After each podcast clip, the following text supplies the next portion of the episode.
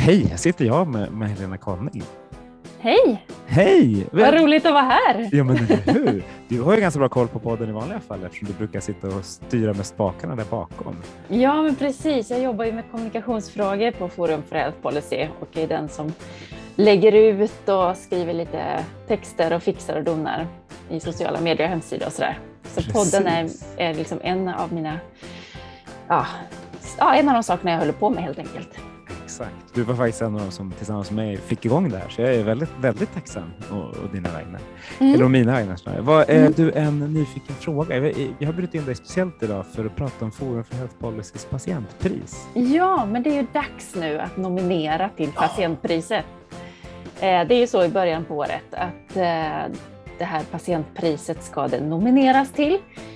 Eh, alla patienter och närstående där ute som har fått god vård på olika sätt, som är nöjda, har fått till en delaktighet, där vården är uppföljd och man kanske använt sig av digitala verktyg eller så, kan ju skriva ner sin berättelse och skicka in den till Forum för Health Policy, helt mm. enkelt. Eh, det är ett sätt att uppmärksamma eh, vård eller omsorg för den delen, där man tycker att ja, men det här har fungerat riktigt bra. Vi är ju bra på att prata om det som inte fungerar, kritisera och försöka förbättra och så. Men för att hålla hoppet uppe så behöver man också uppmärksamma det som faktiskt fungerar och är bra för patienter och närstående. Sant. Jag vet ju att det är en stenhård jury bakom det där. Och vad, vad skulle du säga, vilka är framgångsfaktorerna om man, om man vill, vill vinna ett sånt här pris? Ja, det är, dels är det ju så att det är både den som nominerar, alltså patient närstående, och den verksamhet som man nominerar, den vårdgivaren helt enkelt, som vinner priset tillsammans. Så det är lite spännande. Och eh, jag skulle säga att framgångsfaktorerna, det handlar ju om att man kan visa på att det här är, det har skett någonting i det här mötet mellan patient och vårdgivare som är väldigt, väldigt bra. Och att det, man kan visa på att ja, men jag har fått vara delaktig på det sätt som jag vill. Eh, jag har fått ett eh, förstås medicinskt eller omsorgsresultat som är det som jag är nöjd med och där det fungerar bra. Eh, jag har också kanske då ökat tillgängligheten genom att få använda något digitalt verktyg eller så. Att man kan visa på de här delarna där att man är nöjd och delaktig helt enkelt i sin vård och omsorg. Eh, så det är liksom, tycker jag, framgångsfaktorerna. Att det man finns, är tydlig. Mm. Det finns ju många sådana exempel i Sverige, så jag hoppas att det ramlar in bra ja, förslag till, dig, till oss. Ja, vi vill verkligen ha Eh, många förbättringsarbeten pågår ju där ute. Vi vill ha många som nominerar så att vi har mycket gott att välja på och kan visa upp. Och skickar man in sin berättelse så vill vi kanske använda den även om man inte vinner. Så det finns också möjlighet att få komma ut med sin berättelse oavsett. Ah. Men perfekt, men då tycker jag att ni som lyssnar nu, nu ska ni spetsa öronen och lyssna på, på samtalet med, med Peter Karstedt som ju faktiskt tar upp patientens perspektiv på väldigt många sätt och vis. Och så tänker ni till när, vilken historia vill jag lämna in till Forum för Health Policys stora patientpris? Ja, och gå in på hemsidan healthpolicy.se och nominera. Grymt. Tack så mycket. Tack, tack. Välkommen till Hälso och sjukvårdspodden, en podcast av tankesmedjan Forum för Health Policy. I den här podden möts frågor om hur vi kan få bättre hälsa med frågor om vilken politik som krävs. Det kommer bli samtal om personcentrering, ledarskap, digitalisering, organisation, politik och mycket mer.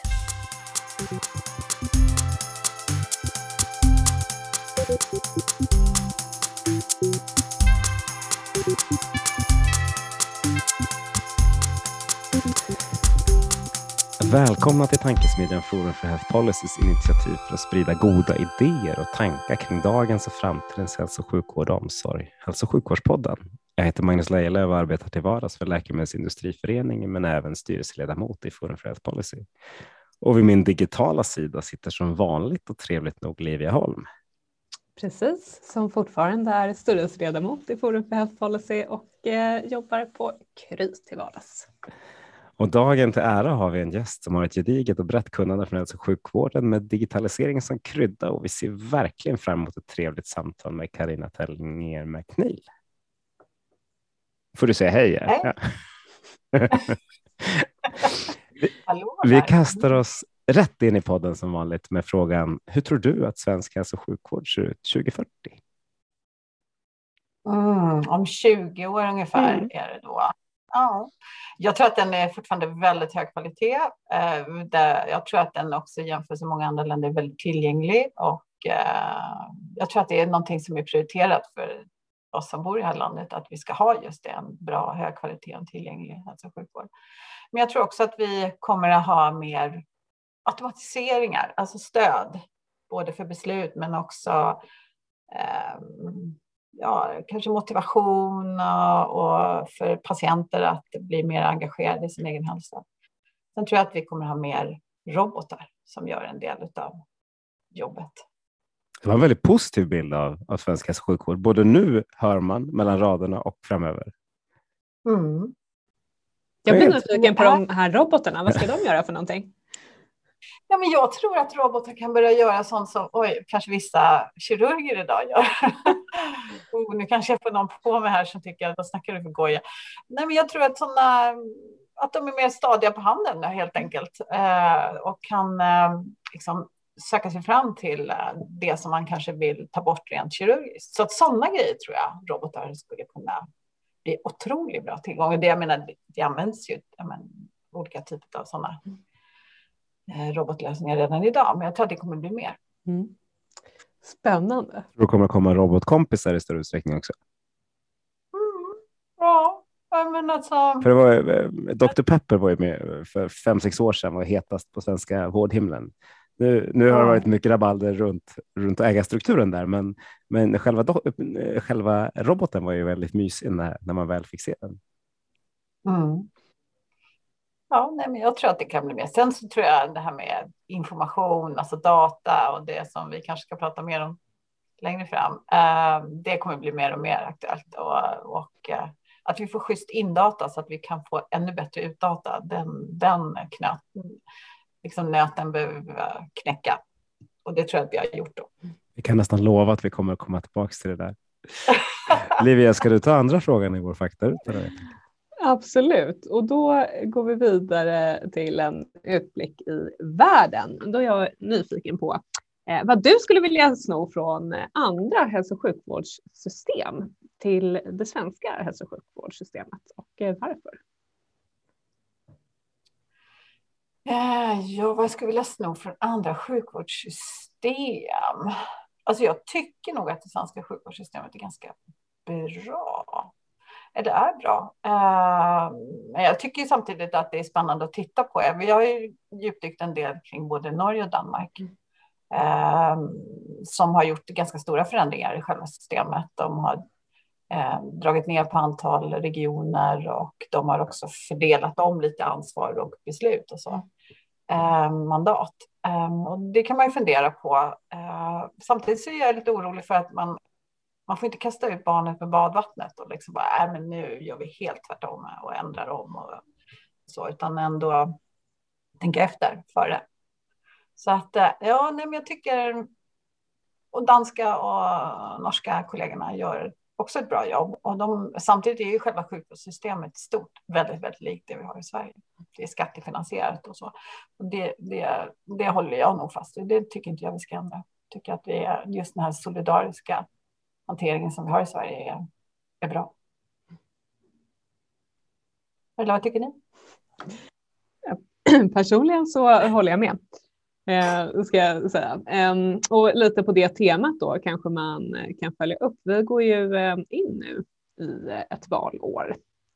Eh. Och i samband med det så börjar det ju komma en hel del eh, olika visioner och vallöften och allt vad det är vad gäller hälso och sjukvården. Men om du fick eh, vara med och liksom spökskriva valmanifesten, partipolitiskt oberoende kan man väl säga.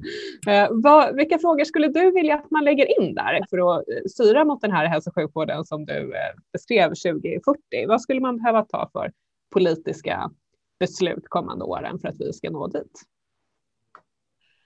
Eh, ja, nej, men jag, eh, lite kanske jag eh, pratar i egen sak, men jag tycker digitaliseringsområdet behöver ju vara med mer. Och faktiskt eh, i, i den politiska eh, arenan som behöver just att visa på de värden som digitalisering kan ge. Det behöver komma mer och bli mer tydligt, ännu mer tydligt vad, varför och, och, och också vilka möjligheter det ger.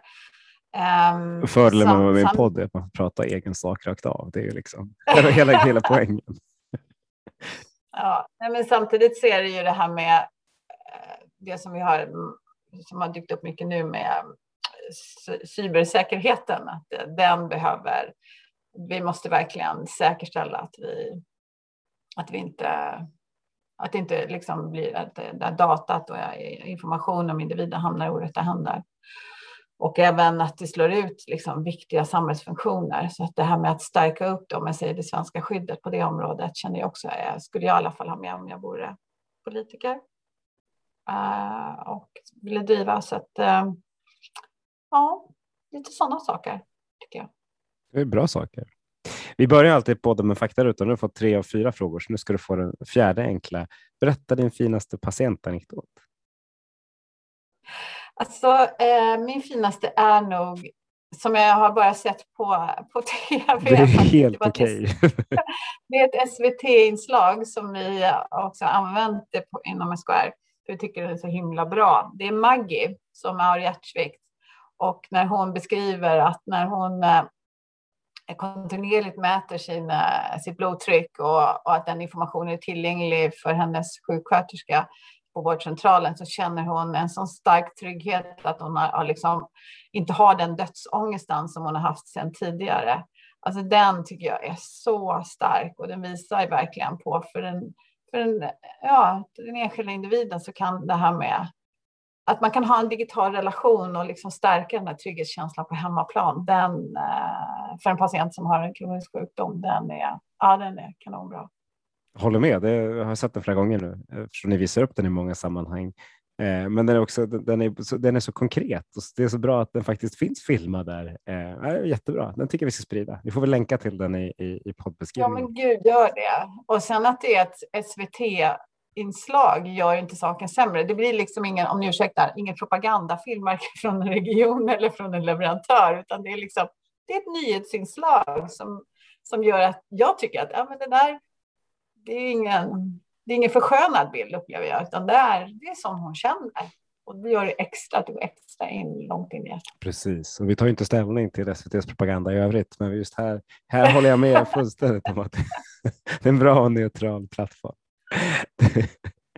Um, nu har vi tagit lite, lite breda, breda penseldrag runt om svenska sjukvårdshimlen. Tänkte vi gå tillbaka lite till dig, eller gå tillbaka, gå till ja. dig. Berätta, vem, vem är du Karina och vad, vad, vad, gör du idag på jobbet? Ja, vem är jag? Jag är Karina Thalin McNeil och jag um vad skulle jag säga här förresten? Var liksom... Du får säga liksom- precis vad, du jobbar med, för tänker jag. Det, okay, det vi, vi, ja, men vi som känner dig, lite, du har lite olika hattar till och från och, och, ja. och sådär. Liksom, kan du inte berätta för lyssnarna om dem? Och sen om du berättar något om, om hur, du är, hur du är privat så får du jättegärna det också. Det är bara mysigt. okay. eh, nej, men på jobbet så har jag olika hattar. Eh, den ena är eh, Eh, säger landslagströjan, brukar jag kalla den, för det är liksom min eh, min eh, hatt att driva, att försöka bidra och driva och, och, jobba med samordning kring att vi i Sverige ska bli bäst på digitalisering och e-hälsa. Och det är utifrån att eh, om man säger regeringen, SKR, alltså regioner och kommuner har ställt sig bakom att vi ska ha en vision för e-hälsa som är, heter Vision e-hälsa 2025 som är just att eh, vi ska försöka verkligen använda digitaliseringens alla möjligheter och eh, så mycket vi bara kan. Och då är mitt jobb i det att eh, driva på det jobbet kan man väl säga och få till de här besluten som skulle behövas men också att informera om det, om visionen. Den andra hatten, den är mer SKR, eller den är inte lika mycket landslagströja, den är mer en SKR-tröja. Då eh, handlar det om att jag eh, jobbar med att eh, stödja regionerna i att eh, använda och införa digitala produkter och tjänster för egen monitorering. Det här när man ber en patient att registrera sina hälsovärden kontinuerligt och sen att vården liksom har ett åtagande att följa den här utvecklingen av patientens hälsa och proaktivt kontakta patienten ifall några värden sticker åt man säger fel håll. Så det är de sak, två sakerna som jag jobbar med. Det är ju två ganska heta områden får man säga, där liksom är, är mitt i den digitala eh, SKR-degen liksom och röra om på. Det händer väldigt mycket på båda de områdena. Livia, nu slog, nu slog Livia på micken, det kommer du veta. Då betyder det att då vill hon också säga något. Tycker hon att det, jag har pratat för mycket? Så då släpper jag över ordet till dig, Livia. Eh, nej, jag blir nyfiken bara lite följdfrågor kring, kring som sagt, det är två väldigt heta områden, men, men inte helt eh, okomplicerade områden att eh, arbeta med införande inom heller, som du säger, med beslut som behöver genomföras och, och allt vad det är. Vad är, vad är dels roligast med att jobba med det du jobbar med? Men också vad är liksom de stora utmaningarna eh, som du ser i att, eh, eh ja, i att, i att eh, liksom det här arbetet genomförs på ett framgångsrikt sätt? Alltså förmånen för att jobba så här är ju att eh, jag får ju inblick i både på olika nivåer i den svenska man säger, digitala e-hälsocommunityn. Dels på eh, hur diskussionerna går mellan högsta ledningspersoner, både politiker och eh, tjänstemän eh, från eh, huvudmännen, alltså regioner och kommuner, men också staten i form av eh, regeringen och eh, myndigheter. Det är, och samtidigt så har det jag gör inom egen monitorering så är det ju att jobba tillsammans med projektledare och strateger på, inom regionerna och då liksom ser det här eller möjligheten att liksom vara med på, på olika om man säger, nivåer. Det är ju jätteskojigt och, och eh, det är klart att jag ibland använder de olika Eh, för att driva på antingen i, på tydliggöra för politiker och högre tjänstemän att ja, men så här ser eh, verkligheten ut för många av kollegorna på, som jobbar och försöker göra förändringar och använda digitaliseringen och de utmaningar de står inför. Att liksom, äh, kommunicera det till dem. Men jag använder ju också åt andra hållet gentemot mina Eh, kollegor i regionerna att visa på det. Ja, men det finns faktiskt, man vill det här från, från statens och regeringens och SKRs sida. Så att eh, ja, men kunna jobba med dem, hela den där paletten är, är superroligt. Men ibland också ganska utmanande för att det är ju Ibland kan vi känna, men gud, kan det inte gå lite snabbare? Men jag börjar lära mig med, med liksom åren att äh, vissa sådana här stora samhällsförändringar som vi egentligen håller på att jobba med, det, det, tar, det tar tid och kanske faktiskt ibland också behöver få ta tid. Så att, äh, ja, både utmanande men otroligt roligt. Det är... Och kul att få jobba med så roliga människor. Då. Ja, men det förstår vi fullständigt. Det, det är skit. Mm. Du verkar ju ha väldigt roligt och du ser, ser, glad ut när du pratar om det. Det tycker vi är positivt. Mm. en, en, sak som jag skulle tycka var lite utmanande i en roll handlar om att alla verkar tycka samma sak. Alla är liksom rätt positiva till både egen monitorering och att det ska ske framåt och att Sverige ska bli liksom bäst, bäst på att tillvarata möjligheterna kring e-hälsa. Eh, men, men ändå så tycker vi kanske från sidan, inklusive vi som kanske känner oss att vi är med i det hela, att det går lite långsamt.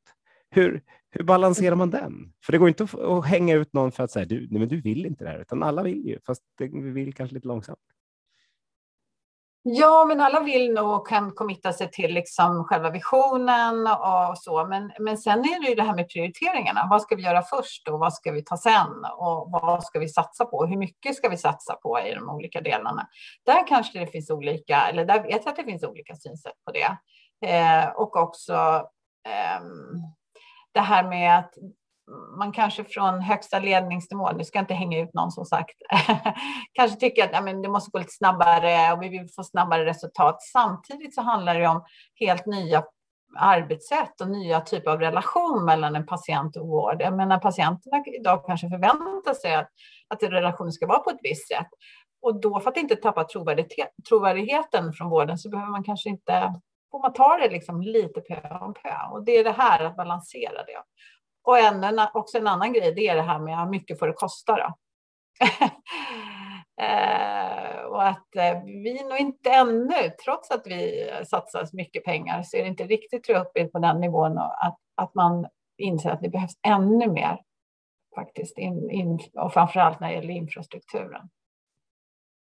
Så att, eh, och att det behövs långsiktiga, liksom ett år, ja men man hinner inte Eh, så mycket. Alltså man hinner en hel del på ett år, men man hinner inte göra de här jättestora liksom omvälvande förändringar på ett år. Det går inte.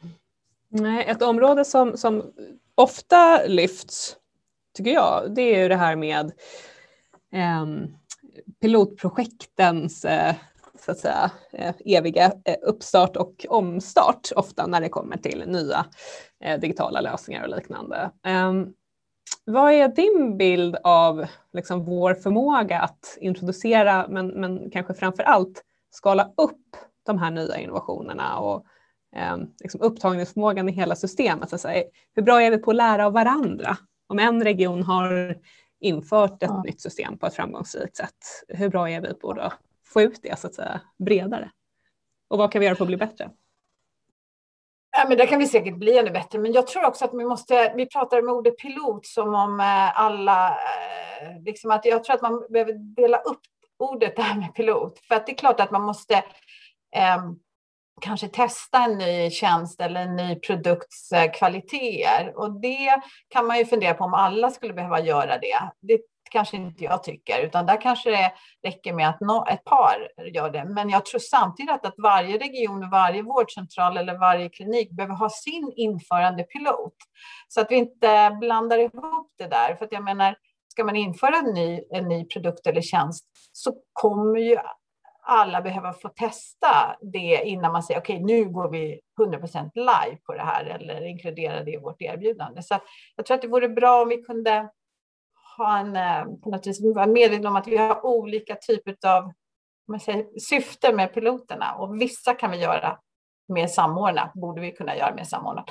Och andra behöver man bara liksom acceptera att jag menar, det, ska du införa något så är det, blir det som en liten pilot hos den enskilda vårdcentralen eller kliniken.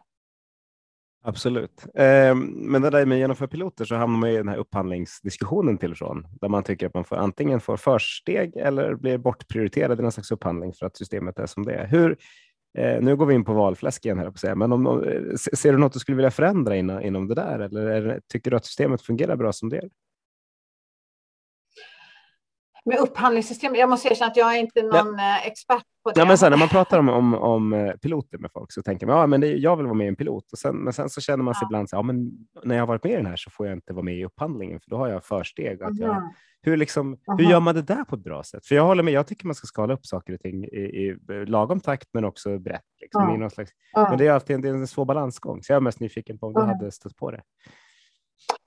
Jo, nej, men det, det här med upphandlingsreglerna är ju, kan ju vara en utmaning verkligen. Eh, men eh, hur man ska göra för att inte de som är med liksom i testfasen ska bli exkluderade. Men det, och det verkar ju helt galet om det är så, tycker jag. Precis. Men framförallt så just nu är det något som många skyller på när det går, när man, när man, när det går ett långsamt så skyller man på upphandlingsregler. Det är ju ja. alltid tråkigt ja. med sånt man kan skylla på tycker jag. Ja, Nej, men sen har det väl också blivit så att, eh, att ibland så blir man lite rädd från regionerna att, eh, för att man blir överprövade. Det ingår liksom i upphandlingsspelreglerna just nu att det, man kan inte få, man gör en upphandling och så tilldelar man, då är det inte, betyder det inte att, eh, att man kan börja rulla ut det för att eh, då kanske det ska överprövas.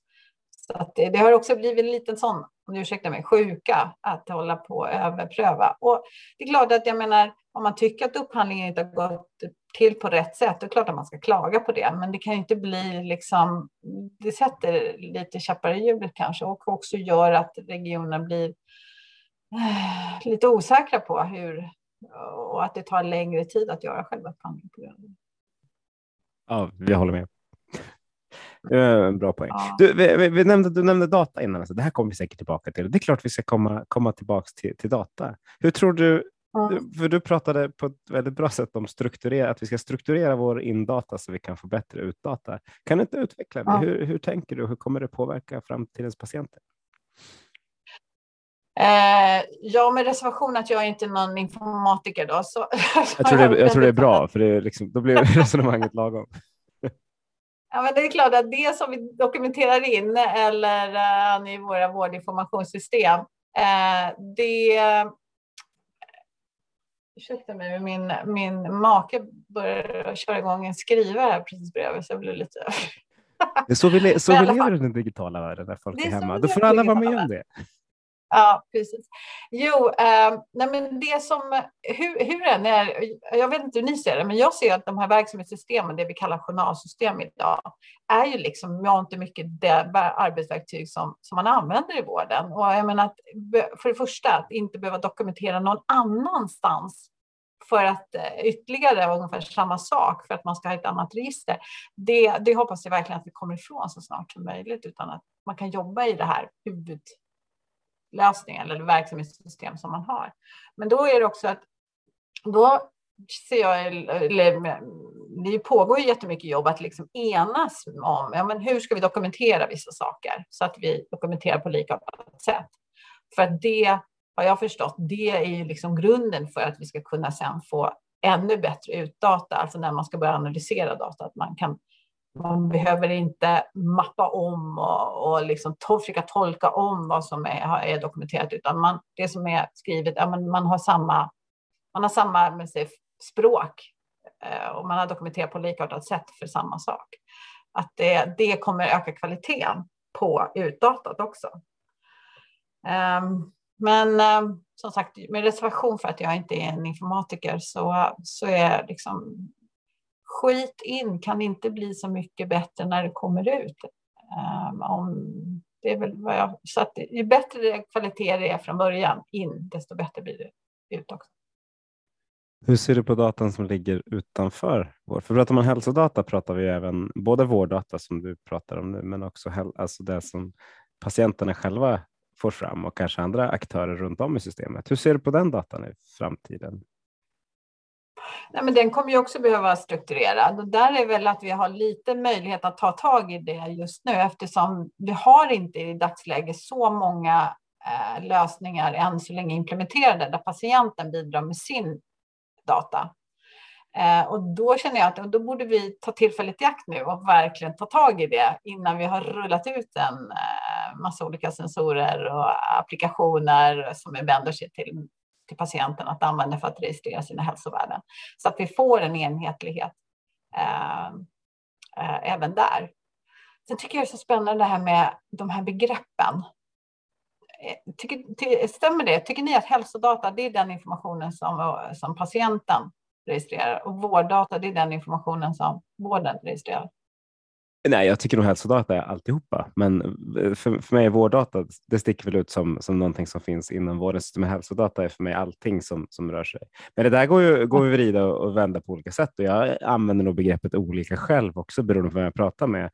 Eh, framförallt när man är inne på läkemedelsområdet så är det liksom, då, då blir det lite en definition för att, för att då rör det sig närmare ett läkemedel. Ja, det, det, det är intressant på många sätt, men när jag försöker att vara, och liksom, att vara vidsynt och prata om allt, då, då, försöker, då är nog hälsodata för mig all den där datan som rör patienten på ett eller annat vis. Livia, Ja, men den data som individen registrerar om sin egen hälsa som inte har initierats av vården. Ja, men det, det, är, det är för mig hälsodata. Även, även Runkeepers data och äh, Apple Health. Ja. Det är det som jag egentligen skulle... Jag tycker det är lite frustrerande när jag kommer till vården så kan någon fråga mig, har du rört dig sen sist? Och jag, menar, det, borde ju komma, det borde finnas hos vården redan innan eftersom det är sånt som jag registrerar hela tiden jag vet ju själv exakt så här, vilka mina trender är på vad, vad, jag har gjort. Det var ju liksom bara jobbigt att börja berätta om det. Det är onödigt. Ja. När det, det, man ska kunna prata om det viktiga saker istället. Livia, nu får du hugga in, för här kommer jag bara pladdra på. Men, I alla fall möjligheten att dela eh, den typen av data med eh, vården, dit vill man ju komma. Och då, det är vi rätt långt ifrån om man säger att eh, en patient har en app som kan skjuta in information till ett av regionernas eh, journalsystem så att den kommer upp till rätt liksom, vård, vårdpersonal. Eh, och du var inne lite grann på det här med infrastruktur och att vi behöver bygga ut den. Vad, vad är det du ser? För det är någonting också, tillbaka till saker alla håller med om. eh, infrastrukturen, att vi behöver bygga ut den digitala infrastrukturen eh, och se ett tydligare ledarskap där. Det har jag hittills inte hört någon som eh, har sagt emot. Men eh, kanske inte helt klart eh, vem som ska göra det, vad som behöver göras och vad vägen framåt ska vara. Och då tänker jag, du har ju ändå inblick här på alla de här nivåerna. Vad ser du? Eh, vad ser du att det är som behöver göras? Ja, alltså eh, nu börjar jag tänka på den där första frågan, vad händer 2040? Jag hoppas ju att 2040, då har vi en motsvarande, någon typ av digital infrastrukturlösning som gör att jag kan där de förmedla den inform hälsoinformationen som, om mig själv som jag själv vill till, till den, vilken vårdgivare eller vem jag nu vill dela det med. Det var ju lite tråkigt eh, att inte, jag menar, vi var ju på ganska schysst på god väg där med Hälsa för mm. mig som av olika skäl inte, ja, inte kom vidare. Och det, ja, jag skulle säga att nu är verkligen det moget för att få hitta någon typ av eh, Eh, lösningar för, där vi kan verkligen kom, erbjuda det här till individen. Och, och eh, det är väl en del i den här digitala infrastrukturen att liksom komma tillbaka. Ja, men hur ska vi erbjuda det här? Ska det vara en statlig eh, lösning som man gjorde med Hälsa för mig eller ska det vara lösas på något annat sätt? Eller är det någon privat initiativ som kommer att ta tag i det här? Typ någon av de stora techdrakarna eller någonting sånt. Vad vet jag? Um, Eh, men sen när det gäller vad var jag tänkte på? men, nej, men det här med infrastrukturen frågar de om och så. Eh, ja, mycket, en del av det pågår ju. Jag tänker ju just för mig tycker jag de här eh, info, nya vårdinformationssystemen som håller på att eh, ska införas så snart pandemin är över är ju en del av om jag ser vårdens infrastruktur, de nya verksamhetssystemen. Men det finns ju andra områden som inte har kommit alls lika långt. Det är inom den kommunala verksamheten, kommunala vården, men också eh, socialtjänsten. Och där behövs det en hel del investeringar för det. Alltså de här grundläggande byggklossarna för att få fram dem och att eh, det kan inte, det inte, jag tror inte att det är görligt och inte ens rimligt att varje kommun ska göra det själv. Mm. Det, där behöver vi ha någon, en infrastruktur som de kan använda. De här eh, nya vårdinformationssystemen som då är på väg att införas, så att där kommer mm. vi en bit på väg. Hur långt ja, på väg tror du att, eh, att vi skulle kunna komma? Vad skulle det möjliggöra för patienter om vi har den här visionen då eh, tillbaka till den och möjlighet att dela eh, hälsodata fram och tillbaka och även då mellan eh, vårdaktörer som är relevant kring en patient. Kommer vi nå dit med de eh, vårdinformationssystemen som införs nu tror vi eller behöver vi eh, ännu mer eh, för att nå dit vi vill 2040? Eh, ja, jag hoppas verkligen att vi är där 2040. Eh, så att den tidsaspekten tror jag, hoppas jag och tror verkligen att vi har kommit en bra, eller är mer eller mindre där. Men, men det är klart att initialt så handlar det mycket om att skapa en bättre arbetsmiljö för de som jobbar inom vården. Jag har en dotter som jobbar på, som sjuksköterska på ett av de större sjukhusen i Stockholm. Och jag, eh, tidigare hon jobbat på en vårdavdelning så fick hon stanna kvar nästan varje dag efter jobbet, typ en halvtimme, 45 minuter för att hinna dokumentera. Eftersom de här systemen som hon har på jobbet möjliggör inte att hon kan göra dokumentation i samma veva som hon gör själva patient, eh, liksom, eh, ja, vården. Utan hon få sitta kvar efter jobbet och göra det i efterhand. Jag menar, så kan vi inte ha det. Vilken, vi blir inte en attraktiv arbetsgivare om man säger så här, du, du ska inte tro att du ska sluta jobba när, när arbetsdagen är slut. Du ska sitta, du behöver sitta kvar en stund för att hinna göra en dokumentation. Alltså, det är en sån, sån den situationen är väl någonting man försöker lösa ut liksom med, med de nya vårdinformationssystemen. Att, att arbetsmiljön i och med det blir bättre. Att det blir stödjande eh, liksom, verksamhetssystem snarare än hindrande. Och att, eh, att de ger ett, eh, inte bara att de blir smidigare och snabbare utan också och mer mobila kanske, men också att de faktiskt ger ett stöd i, i jobbet. Eller vad tycker ni? Det, det låter ju helt rimligt att de ska göra det. ja, men vi, vi, vi, tror, vi tror nog stenhårt på att, att det är bra att vi rustar upp tekniken. Sen om, om just vårdinformationsmiljöerna löser alla knutar eller inte, det, det, får vi väl se. Det är klart de inte gör, men de kan ju lösa kanske, kanske en del knutar och det är väl bara det är ju ett väldigt bra sätt framåt. Sen har det tagit ovänt, inte oväntat, det har tagit ganska lång tid att få igenom det hela. Eh, på grund av ja. liksom både först upphandlingstekniskt men sen så också eh, verksamhetstekniskt och så kom det någon slags pandemi däremellan så det, det bökar ju till det lite. Mm. Livia, nu vill du säga något också innan jag tar nästa fråga. Nej, men jag tänkte bara fylla på där att jag tror att det som är viktigt är ju att vi även med de nya så att säga, vårdinformationsmiljöerna har med oss de här principerna som vi i andra sammanhang ofta pratar om. Alltså möjlighet att dela data mellan olika system, en mångfald av olika typer av tjänster eh, för både patienter och vårdgivare i arbetsmiljön och så vidare.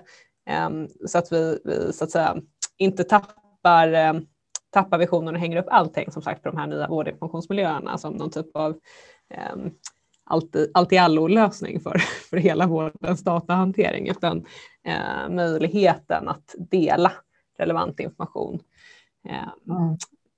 kräver kanske ytterligare initiativ. Men det var lite intressant, för jag, jag kan, jag vet inte hur ni känner med, idag, idag har vi ju en mängd olika appar man kan ladda ner till sin telefon om man vill ha en eh, digital relation med antingen eh, som er med Kry eller era eh, kollegor i min doktor, doktor.se och allt vad det är. Eh, sen har ju regionerna också utvecklat minst en eh, app per region. I några regioner har vi sett att det finns fler appar beroende på om man vill ha kontakt med vårdcentralen eller om man vill ha ett digitalt möte med någon klinik på en sjukhus eller om man vill prata med någon på eh, ungdomsmottagningen.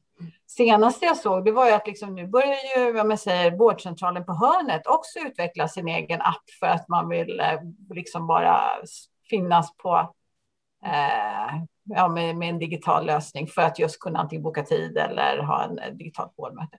Jag som om jag säger privatperson kan känna mig lite snurrig över när ska jag använda vad? För att eh, ibland är det 1177, ibland i Stockholm är det alltid öppet. Och är jag listad på en vårdcentral hos er, då förväntar jag sig att använda er app. Eller jag listar på en vårdcentral hos Capio, ja men då är det Capios eh, app. Eller någon, och så vidare. Alltså, det här känner jag att även om man ska ha mångfald så måste det finnas någon någon logik. Nu kanske det är någon utav er tycker att jag pratar i nattmössan. Men... Nej, men jag förstår, jag förstår absolut vad du menar och jag tror att den stora problematiken från ett användarperspektiv det är att det är oklart vilken data man kan få tag i var. Mm. Om det var så att det för mig var självklart att om jag är listad hos eh, Capio så söker jag mig till Capio eller om jag har valt Kry som vårdgivare då söker jag mig till Kry eller har jag valt eh, Region eh, Skåne som ehm, som ehm, vårdgivare, då vänder jag mig till dem. Det tycker jag är en ganska enkel logik. Eh, men det skulle ju då också kräva att man eh, har möjlighet att se relevant vårdinformation hos sin vårdgivare. Det är en del. Sen så finns det andra typer av tjänster på mångfalden som privatpersoner använder sig av och som man kanske skulle vilja kunna dela med sig av för allt möjligt. Jag tänker alla mina eh, kvinnliga vänner som använder, jag vet inte hur många olika eh, gravidappar i samband med sin graviditet. Och alla använder lite olika varianter därför de har olika preferenser. Men de mm. skulle gärna vilja kunna dela den där datan där de följer sin graviditet och komplikationer och biverkningar med sin vårdgivare. Men det finns det ju inga möjligheter till idag. Om man, inte, man kan ju ta med sig appen såklart och gå igenom historiskt. Men, och, och jag tror att det där är, är en viktig poäng, för jag tror, jag tror inte att det är en väg framåt att då varje till exempel mödravårdscentral ta fram en egen app för att följa sin graviditet och så kravställer man att det är bara den här du kan använda när du kommer till oss. Utan möjligheten för olika tjänster att dela data med varandra men som är centrerad kring den eh, individuella mm. patienten. Det är liksom där nyckeln någonstans ligger för att få rätt sida på vad är logiskt då? Jo, det mm. logiska är att informationen om mig finns här. Mm. mm. Nej, men det här är en utmaning för att jag menar, jag tror att de här apparna, de här som, är mera, som vi har idag, mera kommunikationsappar, kommer det kommer komma fler funktioner i dem. Alltså även om vårdcentralen i Rimbo som jag vet har en mm. sån eh, app för att kunna kontakta dem digitalt, om det är chatt eller om det är video, det vet jag inte. Kommer vidare, vidareutveckla sin för att kanske kunna ha en triageringsgrej eller kunna registrera vissa blodtrycksvärden kanske och så vidare. Så det kommer och, jag börjar fundera på, kan det vara så att det inte är så himla dyrt att ta fram en sån här kommunikationsapp? För att, eftersom det har liksom bara blivit tusen, tusentals blommor blomma helt plötsligt nu. Eh, men fortfarande så kan jag känna att är det där vi ska lägga våra skattemedel på att alla ska utveckla sin egen app som vårdgivare? Jag, jag, jag vill i alla fall liksom eh, lyfta den frågan, mm. för jag känner att du ska marknadsföra den, du ska hantera den, du ska kvalitetssäkra den, du vill säkert vidareutveckla den och så vidare. Och så, vidare. så det är liksom inte gra helt gratis. Men det kanske är så att det har blivit en marknadsföringsplats på internet att man har sin app. Jag vet. Det så. Sen lägger du till triageringsnivån som gör det ännu mer eh, komplext kan jag tycka. Mm. För idag så triagerar vi liksom inom våra respektive gebit. Eh, även om du, du kommer till liksom en, en bra triagering och över 77 så inte, du landar aldrig hos apoteket eller Frisk och Svettis eller ICA, vilket ju vore rimligt för 70 procent av de som söker sig dit. Nu mm. höftar jag på siffrorna så ni får sätta dit mig, men liksom bara för att visualisera att vi har ju, vi, mm. det finns ju olika ställen att hamna på och där är vi absolut inte. Och vi hamnar, inget ont om vårdcentralen i Rimbo, men, men om de gör sin egen app kommer de ju verkligen inte att guida någon annanstans än dit. Eh, om, om, det, om de har en triagering. Och det blir också, det tappar ju lite, lite poängen i, i den här. Men det är ju för att det är en, eh, det är en slags marknadsföringskommunikations... Eh, alltså det är inte bara tjänsten, utan jag tror att för att man vill visa att man är man är, man, och jag tycker att Rimbo och alla de som gör det här är superbra. För att jag menar, de, de vill ju använda digitaliseringen för att öka sitt om jag säger, erbjudande och tillgänglighet av, av sin vård. Men, men, men det kan bli lite confusing. Absolut, jag menar, det, är, det är väl därför det behövs. Om vi nu ska ha en, en centralt styrd liksom, betalning av vården så kanske man ska försöka skapa ett skal runt omkring då till och från så att man triageras till Alltid öppet eller Rimbo eller Kry eller apoteket eller vad det nu är beroende på. För nu är vi ju, precis som du säger, det är svårt, och, svårt att vara vårdtagare och då är vi ändå anständigt digitala och pålästa vårdtagare om man ska vara helt ärliga. Ja, det var inte lätt det där. Men om vi, om vi, om, om vi, då, om vi tar oss ett steg tillbaka in i den här kedjan, för nu, om vi gör det ännu svårare, Karina. Eh, mm. eh, prevention är ju det liksom som, som, som borde finnas innan här, som ju ibland, eh, eller inte alltid tas med i, i hälso och sjukvården på goda och, och onda grunder beroende på vilka, vilken sida man väljer att vrida på det. Men det är ju en del av, en del av eh, hälsovården i varje fall. Hur ser du på, på prevention idag och hur ser du att det skulle kunna Liksom, hur ser du att det kommer se ut framåt? Vi, tar, vi, vi kör bara lätta frågor i den här podden. Ja. Precis. Nej, men jag, eh, det, kan, det är absolut som du säger, det kan göras mer. Och det kommer nog göras mer, men jag tror att trycket från det kommer bli från eh, individen själv. Uh, om man uh, blir mer och mer liksom medvetna om att, uh, och, att vi förväntas ta mer ökade ansvar för vår egen hälsa så kommer flera, allt fler söka stöd för hur jag gör det på bästa sätt. Och eh, att ta hand om sin hälsa är ju en slags prevention i det, så att jag inte ska få någon kronisk sjukdom eller så. Men eh, och då, då tror jag att då, då kommer efterfrågan på sådana typer av man säger, tjänster att öka. Någon slags eh, livs, ja, det är någon coaching av något slag. Eh, sen om man ska betala för det själv eller om man tycker att det borde ingå i den eh, skattefinansierade vården, mm, ja, det kan man ju också diskutera. Eh, men jag tror, jag tror att det kommer ändå öka mer och mer, för att det finns också Samtidigt finns det en samhällsekonomisk vinst i om vi tar hand om oss själva bättre och inte får någon, någon kronisk sjukdom. Så att så det är väl snarare just det här med finansieringen. Hur mycket av hälsocoachningen ska ligga inom den skattefinansierade delen och vad får du faktiskt bekosta själv. Men jag tror absolut att det kommer öka och digitalisering kommer hjälpa till där också. Jag vet inte vad svar på din ja, fråga. Du, så, du ser lite nej, förvånad ut. Nej, nej, nej. nej. Jag, jag, nu, nu ser ju inte lyssnarna om jag ser förvånad ut eller inte. Det är för att jag tittade på Livia och funderade på undrar om det är jag eller hon som kommer ställa nästa fråga. Så det var, nog, det var nog inte ett dugg förvånande i, i, i övrigt. Så kör du Livia.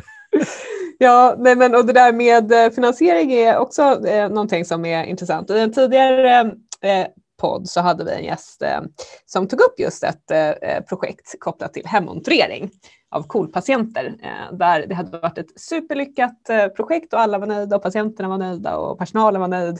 Eh, men det liksom blev inte riktigt eh, någonting av det där. Eh, och någonting som vi eh, resonerade lite grann kring då, det var det här med våra olika nivåstrukturer i hälso och sjukvården och ersättningsmodeller. Hur liksom, viktiga är så att säga, de ekonomiska styrmedlen för att få till den här omställningen som du arbetar med vad gäller egen montering till exempel? Eh, nej, men det är ju såklart jätteviktigt eh, eftersom att eh, mm, man kan ju, man har ju kunnat se i olika forskningsstudier att eh, effekten av till exempel egenmonitorering av patienter med KOL eller hjärtsvikt eh, kan ju göra att man minskar sjukhusinläggningar och sådana saker. Och då kan det ju vara så att om det initieras utav, utav eh, primärvården och det är där som monitoreringen, alltså det är sjuksköterskor eller eh, vårdpersonal som som gör själva den här uppföljningen och kontrollen och själva monitoreringen. Och sen så faller det ut i väldigt positivt för eh, hela liksom, regionen, men det faller ut att det inte är lika många sjukhusinläggningar. Då, då, då är det ju en kostnad för primärvården, men intäkterna, eh, minskade kostnader blir ju på, på, på sjukhuset istället då, eller på, för regionen. Så att, eh, samtidigt kan jag tycka så här, tycker ändå regionerna är på lite bollen där att titta på. Okej, okay, hur ska de eh, in den, in den digitala infrastrukturen som behövs för det här med egen monitorering? Hur tar man den? Ja, det tar man ju oftast centralt då eftersom att man vill ha ett enhetligt system. Eh, kostnaderna för själva apputvecklingen, eh, sensor eh, och så vidare Eh, där är det ju, när det gäller sensorerna är det lite olika där. Där är det ju alltifrån att det är regionerna som tar kostnader eller så tar man indirekt kostnader för att som för vissa av de företagen som eh, tillhör LIF har ju liksom sampaketerat eh, sitt, till exempel sitt läkemedel med en sensor. Så att då, då blir det liksom distribuerat på den viset. Men sen är det den här monitoreringskostnaden, liksom, hur man ska ta den. Och, ska det ingå i den skattefinansierade eller ska det ingå i primärvårdsuppdraget och kanske ersättningen för eh, kapitering, alltså för de patienter man har listat? Det, är, det, det, det kan man ju fundera på. Jag kan ju tycka att i det fallet så borde ju vårt system vara ganska perfekt. Att du får betalt för att du håller dina patienter, att de börjar hantera sin egen hälsa och sin egen vård mer. Men, men, men är, det perfekt? Att... är det perfekt då? Eftersom det, eftersom det är olika pengapåsar hela tiden. Så om du, om du håller dig frisk på ett håll så är det någon annan som kanske tjänar på det. Förvisso, men du kanske också om, um, om, du, om du får fler patienter listade på din vårdcentral som kan faktiskt ta hand om sin egen kroniska sjukdom själv utan egentligen att du behöver ha någon professionell involvering. Utan du skulle kunna med hjälp av monitorering och kanske automatiserade feedback och så där får eh, en individ att känna sig både trygg och eh, faktiskt håller sin kroniska sjukdom på en bra nivå själv. Då skulle du kunna använda samma personalstyrka som du har på din vårdcentral för att träffa andra patienter som, in, som behöver få det här fysiska mötet. Och kanske är det så till och med att du kan lista på fler patienter på din vårdcentral med den befintliga personalstyrkan. Och då börjar vi faktiskt prata om att ja, men du får en ökad intäkt då. Absolut, ja, jag är helt enig. Hade det inte varit så fragmenterat och så många aktörer så hade jag hållit med dig fullständigt rakt av och rakt ut. Men hur ser det perfekta ersättningssystemet ut för primärvård tycker du? Men jag tror att jag, jag gillar nog ändå kapiteringsersättningen. Mm. Alltså jag tycker inte att den är fel, för någonstans så får du ju ändå betalt för de som är eh, patienter som är listade på din vårdcentral. Um, och sen så är det ju olika former av extra om det är socioekonomiskt och, eller, och sen besöksersättning. Men i grunden, förutom Stockholm, så är det ju liksom majoriteten av ersättningen är ju den listade. Alltså kommer ju med de patienter som, hur många som är listade på din vårdcentral. Och jag, ah, jag jag tycker inte att den är fel. ja ja, det är inte helt lätt att eh, hitta den där optimala eh, modellen i alla fall, så mycket kan vi konstatera efter all, eh, alla försök fram och tillbaka genom åren. Mm. Men pandemin då? Du jobbar inom ett område som minst sagt har så att säga, bidragit under pandemin och också fått en skjuts framåt kanske i utvecklingen. Vad, Ehm, vad ser du att regioner och eh, vårdgivare, beslutsfattare har fått med sig från året med pandemin kopplat till eh, det arbete som du eh, har? Eh, ja, vad har man fått med sig? Alltså massa saker tror jag. Just det här med att eh, det är eh, allt fler som har testat en digital lösning än, eh, än tidigare. Alltså både själva och kanske anhöriga och också fått liksom egna erfarenheter. Och det, det kan jag känna att den är kanske den bästa påverkansmotorn, eh, att, att man faktiskt har provat själv. Eh, så det är väl det ena. Och sen så att det eh, vad var det mer jag tänkte på? Nej, men att det är att pandemin har ju gjort att även om vården inte var från början liksom värsta hejarna på det här med digitala vårdmöten till exempel, om vi ska ta det som en, eller andra digitala lösningar, så har man på något vis under pandemin kunnat dra igång för att man gentemot patienten kunde ändå liksom stå upp för att det här är lite nytt för oss, men du vet, vi måste ju hålla det avstånd och, och försöka eh, in, istället för att vi ska ses på fysiskt, så har man ändå kunnat, man, man har kunnat haft en period där man inte alltid inte behövde vara helt perfekt. Alltså inte så att det ska vara patientosäkert, men att man som i hur man utvecklar den här nya typen av relation. Så att det, det har ju, tror jag, gjort att de som kanske känner sig osäkra i hur ska, hur ska jag bete mig om jag möter en patient digitalt, har liksom vågat testa eller kanske till och med tvingats att testa, men gjort att man har kunnat göra det under lite mer extraordinära situationer. Eh, för att jag menar, någonstans så kan jag känna att jag vet när jag jobbade, jag, för 20 år sedan jobbade jag med införande av elektroniska recept som idag känns som en, men då har vi inte alltid haft det, men så var det inte då i alla fall. Eh, och då kunde jag träffa på eh, förskrivare, läkare som tyckte att nej men Carina, du vet det här med e-recept, det är ingenting för mig det får de andra hålla på med. För du vet, jag måste ha den där gula lappen för att hur ska jag annars signalera till den här patienten att nu är vi snart klara med varandra. Snart ska du lämna mitt rum. Om jag inte har den gula papperslappen, vad, vad ska jag göra då? Hur ska de då veta att vi ska liksom säga bye bye? Så att jag tror att man måste förstå att det är, liksom, det är också det här med relationer och signaler och sånt. Att um, att när man, när man ändrar det så, så, betyder det också, eller ersätter det med någon digital lösning, så betyder det att man ibland måste kanske ändra helt sitt beteende. Och det är inte... Man vill inte tappa liksom trovärdigheten. Sant. För den som jobbar på apotek då och försökte tolka sådana här recept så är man ganska glad att det blir över. Precis som nu att efter pandemin så kanske vi använder digitala whiteboards istället för de här tramsiga post-it-lapparna när man skriver med egen handstil. det, det, är mycket som blir bättre framåt. Eh, vi är rätt måna om folkhälsan, Carina, som du märker av våra frågor, men också att våra lyssnare, ska, de ska liksom hinna springa milen sådär precis eller hinna gå sin powerwalk på en timme. Så vi börjar närma oss den nu. Eh, häftigt hur tiden flyger iväg när man har trevligt. När du kom in i det här digitala rummet, var, var det någonting du hade tänkt att du skulle få prata om som du inte har fått prata om? Uh, nej.